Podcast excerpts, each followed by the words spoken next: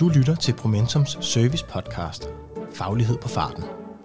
Hos Promentum har vi fart på fagligheden, og vi ved godt, at det kan være svært for dig at nå at læse alle de blogs og artikler, vi skriver. Derfor har vi lavet denne podcast, så du kan blive klogere, mens du er på cyklen, i toget eller på løbeturen, og på den måde er det slut med dårlig samvittighed over al den viden, du plejede at gå glip af. Selv tak. Dagens artikel er indlæst af Sofie Flod Fuglsang Nielsen. Projektleder. Har du slag, eller slækker du i dit projekt?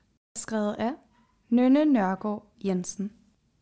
Hvor mange projekter kører snorlige efter planen på alle niveauer fra start til slut? 0. Uforudsete udfordringer er forventelige i et hvert projekt. Da de er forventelige, er de per definition ikke overraskelser. Altså bør de ikke komme bag på dig. Det betyder, at du som projektleder skal forholde dig til det uforudsete, før det sker. Det er blandt andet derfor, vi laver risikoanalyser, hvor vi tager udgangspunkt i sandsynlighed og konsekvens, baseret på vores erfaringer og bedste gæt om, hvad der potentielt kan gå galt. Men hvad med de risici, som vi ikke har forudset i risikoanalysen?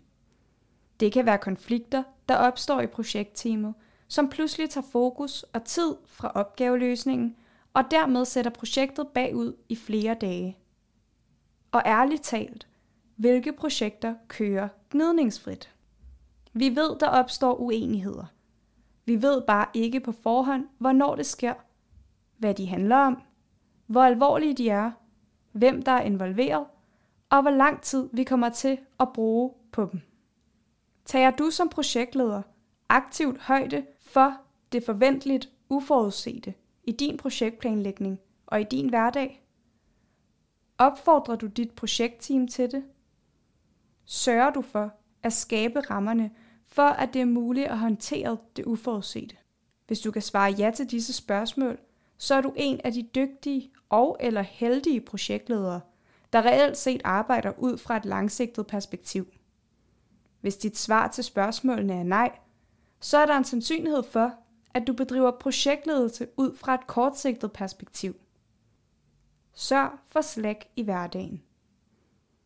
Måske er det dit eget ubevidste valg. Eller måske har du en styregruppe, der spænder ben for et langsigtet perspektiv. Uanset grunden, så er det en dyr løsning, fordi det ofte ender i brændslukning, frem for at prioritere at være på forkant løbende i projektet. Måske stiller du dig selv følgende spørgsmål. Hvordan kan jeg planlægge og tage højde for noget, jeg ikke ved, hvad er? Det kan du ikke. Til gengæld kan du sørge for, at der er ressourcer til overs i dit projekt og i din egen og dine projektmedarbejderes hverdag. De ressourcer, der er til overs, kalder man Slack. Slack kan, ud over tid, også omhandle mental kapacitet, økonomi og andre former for ressourcer. Fælles for alle er, at der bevidst skal være afsat eller tilbageholdt ressourcer i en rimelig mængde til at kunne håndtere uforudsete udfordringer, fordi du ved, de opstår. Særligt når du har været for gavmild med projekttrækanten og måske har været under pres fra styregruppen. Forskellige former for slag. Slack i sin form af tid er planlagt tom tid. Det kan også forstås som en form for sikkerhedsmarken til uventede situationer. Altså hvor lang tid kan en officiel deadline få lov at skride, før det gør rigtig ondt. En ting, der er sikkert i arbejdet med projekter er, at planerne ændrer sig. Hvis du har lagt en stram tidsplan for projektet, og et par deadlines skrider, kan du så håndtere det, uden at projekttrekanten og du og dit projektteam kommer under et alt for stort pres. Slack i form af båndbredde, forstået som mental kapacitet, kan eksempelvis være perioder med pauser eller nemme og rutineprægede opgaver. Dage med back-to-back møder uden pauser imellem er derfor en dårlig idé, fordi de ikke giver plads til mental slag. Det er vigtigt, at du allerede under forhandlingen af projekttrekanten, altså projektets kontrakt, gør dig tanker om følgende og sørg for slag i projektets forskellige elementer, altså tid, økonomi, hænder osv. Sørger du for at planlægge tid til opsamling, refleksion og forberedelse imellem dine møder? Er du bevidst om, hvornår på dagen eller på ugen du har mest energi? Lægger dine møder strategisk, så du kan nå at lade op, inden de svære samtaler og vigtige beslutninger skal tages? Hvad med din styregruppe og dit projektteam? Ligger møderne smart i forhold til formålet og den mentale energi og klarhed, der kræves af dem? Tænk langsigtet og undgå brændslukning.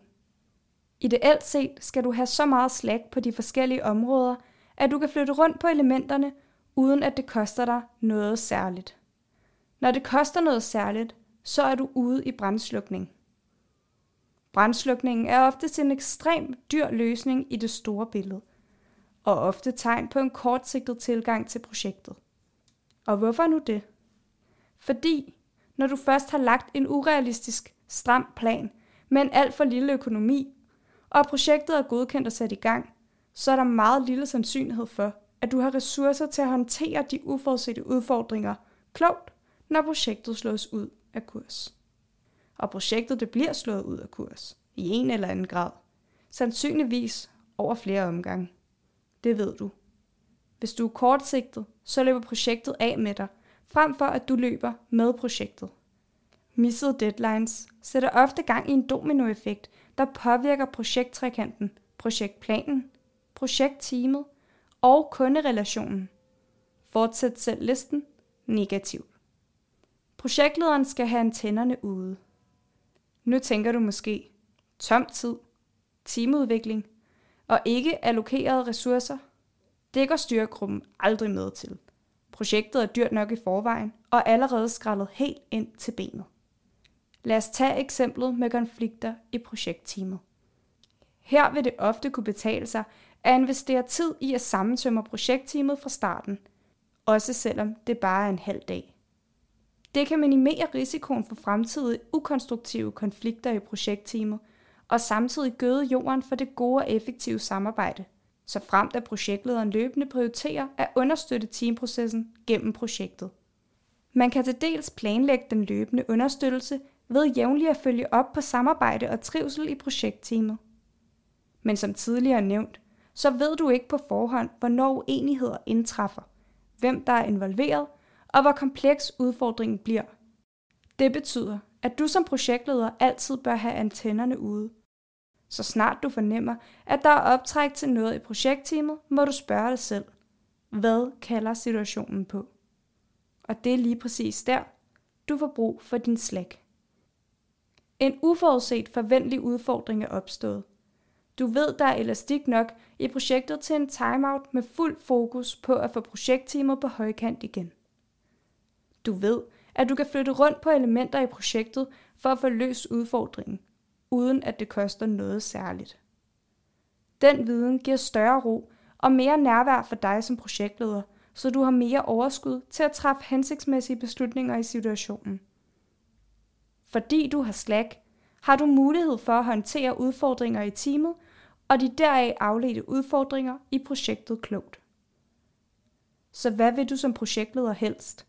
Sørge for slack til de uforudsete forventelige udfordringer, eller brændslukke om og om igen, fordi projektet flere gange sættes tilbage af uforudsete forventelige udfordringer. Med den viden, du har om, at det uforudsete er forventeligt, har du og din styregruppe så råd til ikke at prioritere slag i jeres projekt.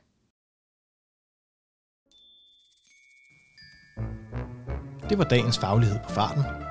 Tak fordi du lyttede med. Jeg håber, den gav dig viden, du ikke havde i forvejen. Husk, at du altid kan få mere viden på promentum.dk eller i vores podcast Lyden af Promentum.